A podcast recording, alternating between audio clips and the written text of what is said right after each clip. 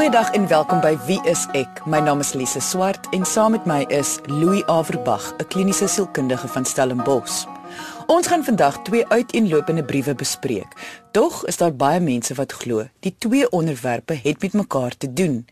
Die een skrywer wil weet hoe belangrik die rol van die pa-figuur in kinders se lewens is, en die ander skrywer wil sy eie lewe neem as gevolg van sy seksuele oriëntasie. So kom ons luister na die eerste brief van die dag voor ons die gesprek verder sit. Goeiedag Louie en Lise. My vraag is: watter invloed het dit op 'n kind indien die kind sonder 'n pa groot word? Die geval waarna ek verwys, is die pa dood 4 maande voor sy twee kinders gebore is. Die ma het nooit weer getrou nie. Die tweeling het in hulle tienerjare baie op hul ma geskree, geld van haar gevra en haar nooit met enige huislike pligte gehelp nie. Selfs van hul eie vriende, ook seuns, het vir hulle gesê dat hulle behandel hulle ma nie reg nie, maar dit was vir hulle net 'n grap. Die ma was permanent oorwerk en ongelukkig. Die een seun het 'n alkolikus geword en die ander seun kon nooit 'n werk behou nie. Hy is verlede jaar oorlede in 'n motorongeluk. Hy het altyd gesê dat sy lewe is soos dit is omdat hy sonder 'n pa groot geword het. Die ma moes dit so baie aanhoor dat ek dink sy glo ook die afsterwe van hul pa die rede is vir haar seuns se tekortkominge. So ek wil weet of 'n afwesige pa dieselfde effek op kinders se toekoms kan hê. So Louis, kom ons begin met watter rol speel 'n pa in 'n kind se lewe of opvoeding? Wel eerstens breedweg net as 'n ondersteunende rol dit is 'n praktiese ondersteuning, iemand wat ook bydra daartoe dat die kind veilig is, kan kos kry ensovoorts ensovoorts. Twee koppe is beter as een. En dan is daar ook 'n rol van 'n lewensopleier of 'n vernoot in dissipline. Hoe om vis te vang, hoe om jou tas reg te dra as jy skool toe gaan. Iets wat die ma ook kan doen, maar die pa help daarmee. Mans is van nature fisiologies beter met sekere take, groter en sterker. So dit is makliker om vir seun te help om die boomhuis te bou. Nie dat maar dit weer nie kan doen nie, sê ek weer eens. En dan dan natuurlik is daar die sielkundige komponent van die manlike figuur. Die wêreld bestaan uit twee geslagte. En dit is ook twee rolle wat ons almal in ons het. Ons het almal die vermoë om 'n manlike rol te kan speel en om 'n vroulike rol te kan speel as mens dit amper op 'n klise vlak noem. Daardie ding wat kinders op 'n sekere stadium laat glo, my pa is die sterkste in die wêreld. Hy kan selfs vir Batman wen. Dis 'n belangrike ding daardie want dit laat die kind veilig en seker voel niks in die wêreld kan hom of haar bedreig nie en dit in 'n groot mate is die belangrikheid van 'n pa se rol op 'n sielkundige vlak. So indien daar nie 'n pa in die huis is nie, beteken dit dat die kind gaan dan geen van die eienskappe hê waarvan jy nou verwys het nie? Nee, absoluut nie. 'n uh, Mens hoef nie 'n pa te hê nie en daar's baie mense wat nooit 'n pa gehad het of selfs 'n pa figuur gehad het nie en hulle het nie noodwendig iets daarvan oorgekom nie. Dis net makliker as jy 'n pa figuur het. Uh hoe meer mense positief betrokke is by jou opvoeding en gefokus is op jou, hoe beter. Maar so kan mens dan ook sê partymal is dit beter om nie 'n pa te figuur te hê nie as dit 'n pa figuur is wat mishandel of aggress aggressie in die huis inbring en so aan. Wat kan 'n pa figuur wees? Kyk, dit kan enigiemand wees. Dit kan 'n oupa wees. Baie keer is dit 'n oupa, 'n onderwyser, 'n oom, 'n ouer figuur, 'n broer selfs wat ouer is. En hier dan die deel wat mense baie keer nie besef nie. Ma kan ook 'n pa figuur wees. Dis net 'n ekstra rol wat sy moet vervul. En baie enkel ma's vervul dan ook die pa rol, sowel as die ma rol. Selfs op 'n praktiese vlak kry mens die ma wat vir die kinders kos maak en seker maak dat almal uh, netjies aangetrek is, maar ook nog met boetie buitekant die bal rondskop. Dit is 'n eenvoudige voorbeeld van hoe ma uh, beide rolle kan vervul op 'n praktiese vlak en natuurlik ook op 'n sielkundige vlak. Kan sy die streng sterk dissiplinêre rol speel en ook die sagte aanvaardende liefdevolle rol speel. So wat jy sê is dit hoef nie noodwendig 'n manlike figuur te wees nie. Dit kan ook deur 'n vrou vervul word. Ja, absoluut, jy's reg. Dit is net meer ideaal as dit 'n manlike figuur is. Dit is net makliker. Jy luister na Wie is ek met Louie en Lise op RSG 100 tot 104 FM. Hierdie twee seuns waarna die skrywer verwys, kon hulle meer suksesvol, kom ons noem dit nou maar so, uitgedraai het as die pa wel nie gesterf het nie. Moontlik, maar moontlik ook nie. En ek wil amper sê dit het niks met die punt te doen nie. Dit hang maar van hulle af of hulle suksesvol uitdraai. Niks met die pa se afsterwe te doen nie. Hoe groot rol kan genetika speel in hoe hierdie kinders keuses oor hulle lewens gemaak het? 'n Baie baie groter rol as wat mens besef. Ons almal besef dat genetika speel 'n rol in hoe mense is as hulle volwasse is, sowel as omgewingsfaktore. Maar die meeste mense sal verbaas wees om te besef hoe die navorsing vir ons duidelik uitwys dat in baie gevalle opvoeding of omgewingsfaktore amper glad nie 'n rol speel nie. Soos byvoorbeeld of tieners sal begin rook of nie, tabak. Dit klink bizar, maar al die studies wys dit duidelik uit. En genetika beteken nie dit kom van jou pa en jou ma af nie. Baie duidelik nuutste wat navorsing wys vir ons saam met die hele konsep van epigenetika dat mense maklik 14, 15 geslagte terug se geneigthede, wil mens dan sê, DNA boodskappe kan oordra wat geslagte en geslagte kan spring en in sekere gevalle dan absoluut niks met die ouers selfs te doen het nie. So om dit, om dit terug te bring na jou vorige vraag oor wat die pa se invloed moontlik op die seun sou kon wees geneties of nie, mens kan dit nie antwoord nie. Ek is doodseker die ma het die beste gedoen wat sy kon. Maar ek moet tog vra watter rol haar opvoeding kon gespeel het in hoe hierdie kinders dan nou uitgedraai het. Ja, dit is een van die grootste omgewingsfaktore van hulle opvoeding dan. Is ma se opvoeding. En uiteraard het ma haar bes te probeer. Ek kan nie dink hoe hoe moeilik dit vir haar moes gewees het nie. En 'n groot deel dan van hoe die kinders begin word het toe hulle al tieners was, kom dan ook op haar neer. En enige mens kan dit verstaan. Dit is nou maklik om vir ons te sê sy moes hulle vasgevat het, want waar kry hulle die reg om haar te blameer vir hulle pa wat oorlede is en dit nog as 'n verskoning ook te gebruik? Dis mos totale nonsens. En soos 'n gewone mens het vir sy natuurlik ook skuldig gevoel oor die feit dat hulle nie 'n pa het nie en probeer kompenseer en dalk nie so sterk gegaan op die dissipline nie. En dit is dan die eindresultaat daarvan nie dat ons haar blameer nie. Maar weer eens moet ons in gedagte hou soos jy gesê het dat genetika kon ook 'n rol gespeel het. Dit kan wees. Ons het al gesien dat kinders kom uit die beste huise met pa en ma wat saamwerk in die beste opvoeding en dissipline handhaaf. En dat 'n kind, 'n seun of dogter dan uit daardie huis uit die vreemdste dinge kan aanvang. En mens kan glad nie verstaan nou hoe werk dit dan nie. Nou die skrywer wil aan die einde van haar brief eintlik dieselfde weet as aan die begin van haar brief. Maar toe verwys sy na 'n afwesige pa. In my verwysingsraamwerk kan 'n afwesige pa ook beteken dat die pa lewe nog, maar net baie min met die kinders te doen kry.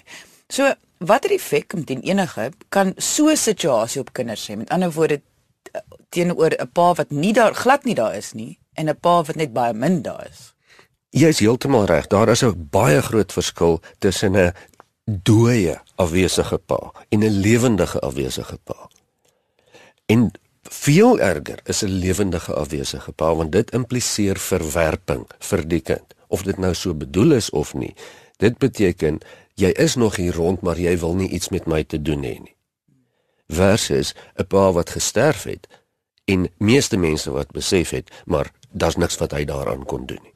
En nou praat ons nie net eers selfs van 'n pa wat glad nie met die kinders iets te doen wil hê nie. 'n Pa wat byvoorbeeld baie hard werk as gevolg van omstandighede en afwesig is as gevolg daarvan. Dit self nie sy keuse is nie. Sal dan ook harder moet werk aan die verhouding met die kinders vanweë die afwesigheid om seker te maak hulle voel veilig en hulle het hierdie ondersteunende figuur. Indien jy wil hê ek en Louie moet jou brief, storie of vraag hierop wees ek bespreek, kan jy ons kontak deur ons webwerf wieisek1woord.co.za of gaan na ons Facebookblad onder wie is ek met Louie en Lise. Onthou alle briewe wat bespreek word sal anoniem bly. Baie ouers wil nie egskeiding eers oorweeg nie as gevolg van hulle kinders, want hulle is juis oortuig dat kinders moet beide 'n ma en 'n pa in die huis hê om 'n sukses van hulle ouerskap te maak. Wat het jy uit jou ervaring al hieroor gesien? Jong mens hoef net regtig jou oë oop te slaan en te kyk rondom jou om te weet dat goeie ouerskap nie veel te doen het met die feit of albei ouers in die huis is nie. En die opinie dat ons met liewers nie skei nie van wat van die kinders is 'n myns en sins 'n baie bizarre opinie. Ek verstaan dit glad nie.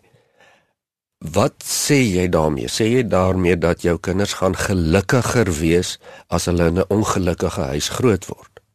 Nee, dit werk nie so nie en al die navorsing wys dit ook vir ons. Dis baie beter om gelukkiger apart te wees as om ongelukkiger saam te wees. So die egskeiding self. Ons almal weet dat egskeidings kan vir baie kinders baie traumaties wees. Maar dis nie die egskeiding nie.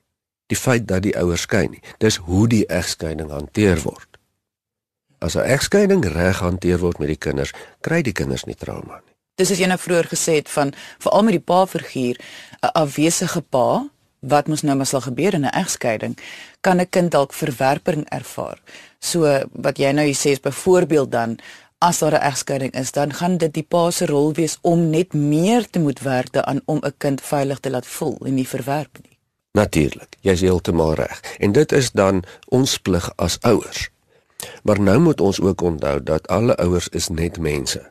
Dit is die wêreld waarin ons leef dat baie ouers of 'n pa moet afwesig wees om die pot aan die kook te hou. En natuurlik het dit 'n effek, soos wat alle dinge effek het, maar die kind moet ook leer om daarmee te kan leef, want dis deel van die lewe. En as ons kyk na ons briefskrywer, wat hierdie twee kinders doen, is hulle het eenvoudig gesê ons is nie bereid om verantwoordelikheid vir vir onsself te vat nie. Ons blameer alles en almal rondom ons want ons sien nie kans daarvoor. En dis 'n keuse wat hulle gemaak het. Daar is baie mense wie se paas oorlede is wat ander keuses gemaak het. Ons bespreek vandag twee briewe wat aan ons gestuur is. Die onderwerpe verskil heeltemal van mekaar, alhoewel daar baie mense is wat voel dat hulle tog met mekaar verband hou. Voor die advertensiebreek het ons oor 'n brief gesels wat handel oor die pa-figuur die rol wat dit in 'n kind se lewe speel, watter effek 'n afwesige pa op 'n kind het en vlugtig watter rol 'n ma in 'n kind se opvoeding dien. Indien jy dit gemis het, kan jy weer na die pot gooi van vandag se episode gaan luister op RSG se webtuiste. Dit is rsg.co.za. Klik op pot gooi, kies wie is ek van die lysie wat verskaf word en luister na episode volgens die uitsaai datum of kort beskrywing. Kom ons beweeg nou aan na die volgende brief van die dag. Louis en Lise. Ek is 'n graad 10 leerling. Ek is 'n seun van 16 jaar oud. My seksualiteit is iets waaroor ek moeilik met ander mense praat, selfs met my naaste vriende. Ek het al aan die einde van graad 7 agtergekom dat ek dieselfde geslag aantreklik vind. Dit is vir my glad nie lekker om gay te wees nie. Ek voel al ewig eensaam en anders as die kinders in my klas. Hulle bekommer hulle of hul ouers vir hulle die nuutste selfoon gaan koop. Ek bekommer my dat my ouers my geheim gaan uitvind. Ek het al baie daaraan gedink om selfmoord te pleeg. Ek het dit alselfs een keer probeer, want ek wil so graag ontvlug van hierdie lewe en al die emosies waarmee my seksualiteit my laat. Ek het met ons dominee gaan gesels en hy het gesê ek het niks om oor skaam te wees nie, maar ek voel nie sterk genoeg om die wêreld se verwyte te hanteer nie of dat my ouers dink hierdie is hulle skuld nie. Ek hoop almal wat nou hierna geluister het, het die hartseer van hierdie 16-jarige gehoor. En ek hoop dat almal dieselfde voel as ek dat niemand wil hê 'n kind moet sy eie lewe wil neem nie. So Louis, wat dink of vermoed jy is hierdie seun se grootste probleem met sy seksualiteit? Wel duidelik het hy nou op die punt gekom as 'n tiener wat hy bewus raak dat hy gay is of heel moontlik mag gay wees. En die heel eerste ding wat hom tref is maar hy wil mos nie gay wees nie. Wie, wie wil nou gay wees? Wie kies tog nou om gay te wees in 'n wêreld wat nog steeds daarteen diskrimineer? So dis nie vir hom lekker nie. Hy verstaan dit nie en hy's duidelik baie ongemaklik hiermee. Tweedens laat dit hom dan eensaam, nê? Want hier is hy ewe skielik uit sy persepsie in 'n wêreld waar hy die enigste ander tipe persoon is. Almal is anders as wat hy is. Dis natuurlik nie waar nie, maar dis hoe hy dit voel. En daai isolasie en ek is nie deel van my portuïergroep nie, veral vir 'n tiener, is 'n verskriklike ding. Laastens bekommer hy hom ook dood oor wat sy ouers gaan dink. Nie so seer lyk dit my van hom nie, maar dat hulle gaan seer gemaak voel dat dit hulle skuld is dat hy gay is, so asof daar foute is met hom. So hierdie arme ouetjie is in 'n in 'n emosionele toestand vasgevang. Hoekom is dit vir sekere mense so 'n moeilike stryd, maar vir ander weer 'n makliker situasie om hulle seksualiteit te aanvaar? Dis maar absoluut omgewingsfaktore. En hy het dus opgelet vir die afgelope 16 jaar uit sy omgewing, waar dit nou ook al is of dit by skool of by die huis is of sy maats is, dat dit nie goed is om gay te wees nie. Dis 'n probleem, ten minste volgens sy persepsie. En daarom is hy nou gespanne. As hy byvoorbeeld in 'n omgewing groot geword het, eh, kom ons neem as voorbeeld waar sy broer openlik gay is, dis vir die ouers geen probleem nie. Uh daar's geen homofobie in sy omgewing nie, dan sou dit vir hom eenvoudig nie gepla het nie. En hy sou ook meer insig gehad het in oor wat homoseksualiteit beteken. Maar dit is omgewingsfaktore wat maak dat sommige mense dit makliker of moeiliker kan verwerk. Hoe kan jy hierdie verwerk om nie meer so alleen te voel nie? Ek weet dis 'n gewigtige vraag wat ek vra, maar is daar iets wat hy op sy eie kan doen? Ja, dis 'n gewigtige vraag en hy is net 16, hy verstaan nie hierdie ding nie. Hy weet nie eers of hy regtig gay is nie, klink dit vir my. Hy moet nou nog 'n pad met sy eie seksualiteit ook loop. Hy's alleen. En al wat hy kan doen, dink ek op hierdie stadium is om met ouer betroubare mense te gesels waarvan sy ouers die eerste opsie is. Nou ons weet nie wat die omstandighede by die huis is nie. Hy is bang dat sy ouers gaan seer gemaak voel, maar dis nie te sê dat sy ouers sal kwaad wees vir hom of gaan seer gemaak voel of dit enigsins 'n probleem gaan ervaar nie. As dit vir hom duidelik so is op hierdie stadium, om dan miskien eers met 'n ander ouer persoon te gaan praat, 'n uh, 'n onderwyser miskien, 'n uh, 'n oom, 'n betroubare volwasse figuur. Dalk weer met die dominee. Jy luister na Wie is ek met Louie en Lise op RSG 100 tot 104 FM.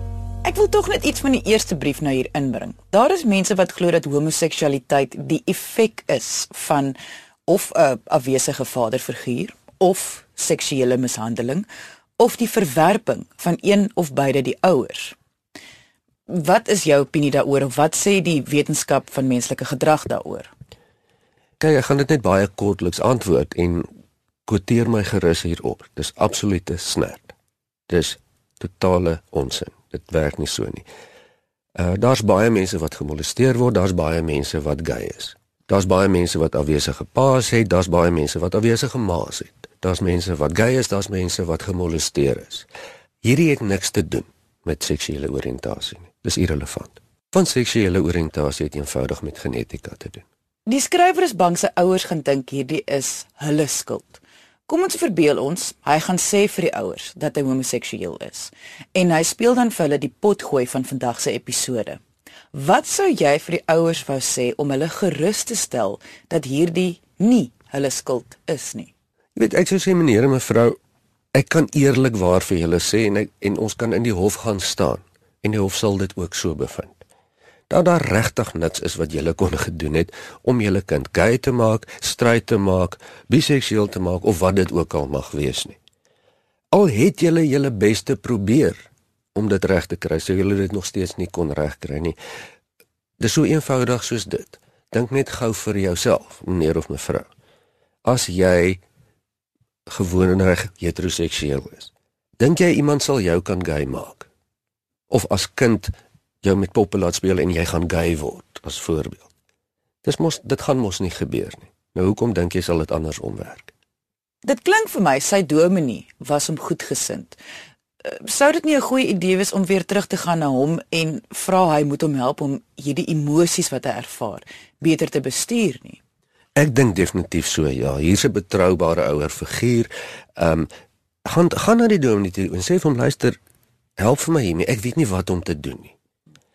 En die dominee kan dan ook help om miskien met die ouers te bemiddel en dit is dalk nie eers nodig om met die ouers te bemiddel nie. Hy dalk net bietjie selfvertroue nodig. Maar ek sou ja, teruggaan na die dominee toe wat duidelik sensitief is en bereid is om hom te ondersteun. En ons moet onthou hierdie seun praat van selfdood. Hy is so ongelukkig dat hy wil sy lewe neem. So hy hy moet by 'n ouer figuur uitkom so gou as moontlik wat wat helder van verstand is. En wat sal sien, maar wag, hierdie arme ouetjie moet onmiddellik uh miskien ondersteuning kry. Die ouers moet maar nader geroep word, die ding moet hanteer word of wat ook al die geval is.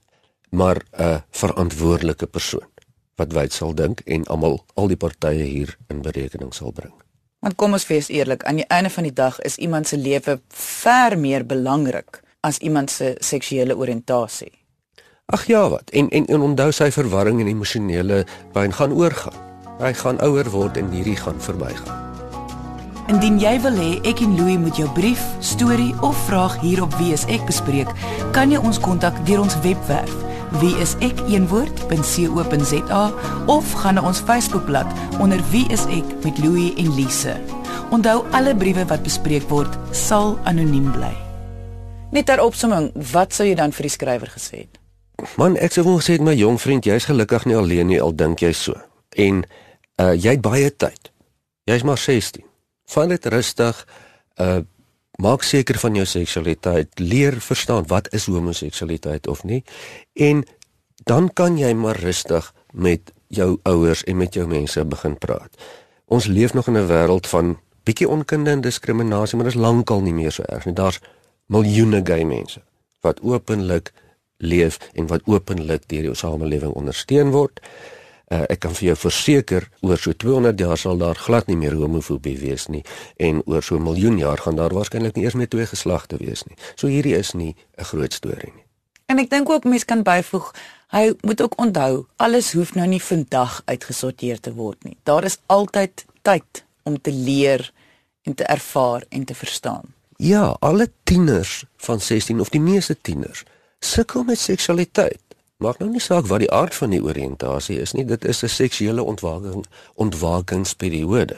So jy sou dalk of jy nou gay was of nie sou dit in elk geval 'n ongemaklike pad vir jou gewees het. So gee dit tyd en loop die pad rustig. Indien jy enige vrae het oor vandag se onderwerpe of net jou storie met ons wil deel, kan jy ons kontak via ons webtuiste. Dis weesekeenwoord.co.za of deur ons Facebookblad onder Weesek met Louie en Lise. Dankie dat jy vandag ingeskakel het. Ons maak weer so volgende Vrydag 12:30 net hier op RSG. Jy moet 'n heerlike naweek hê en onthou, kyk mooi na jouself.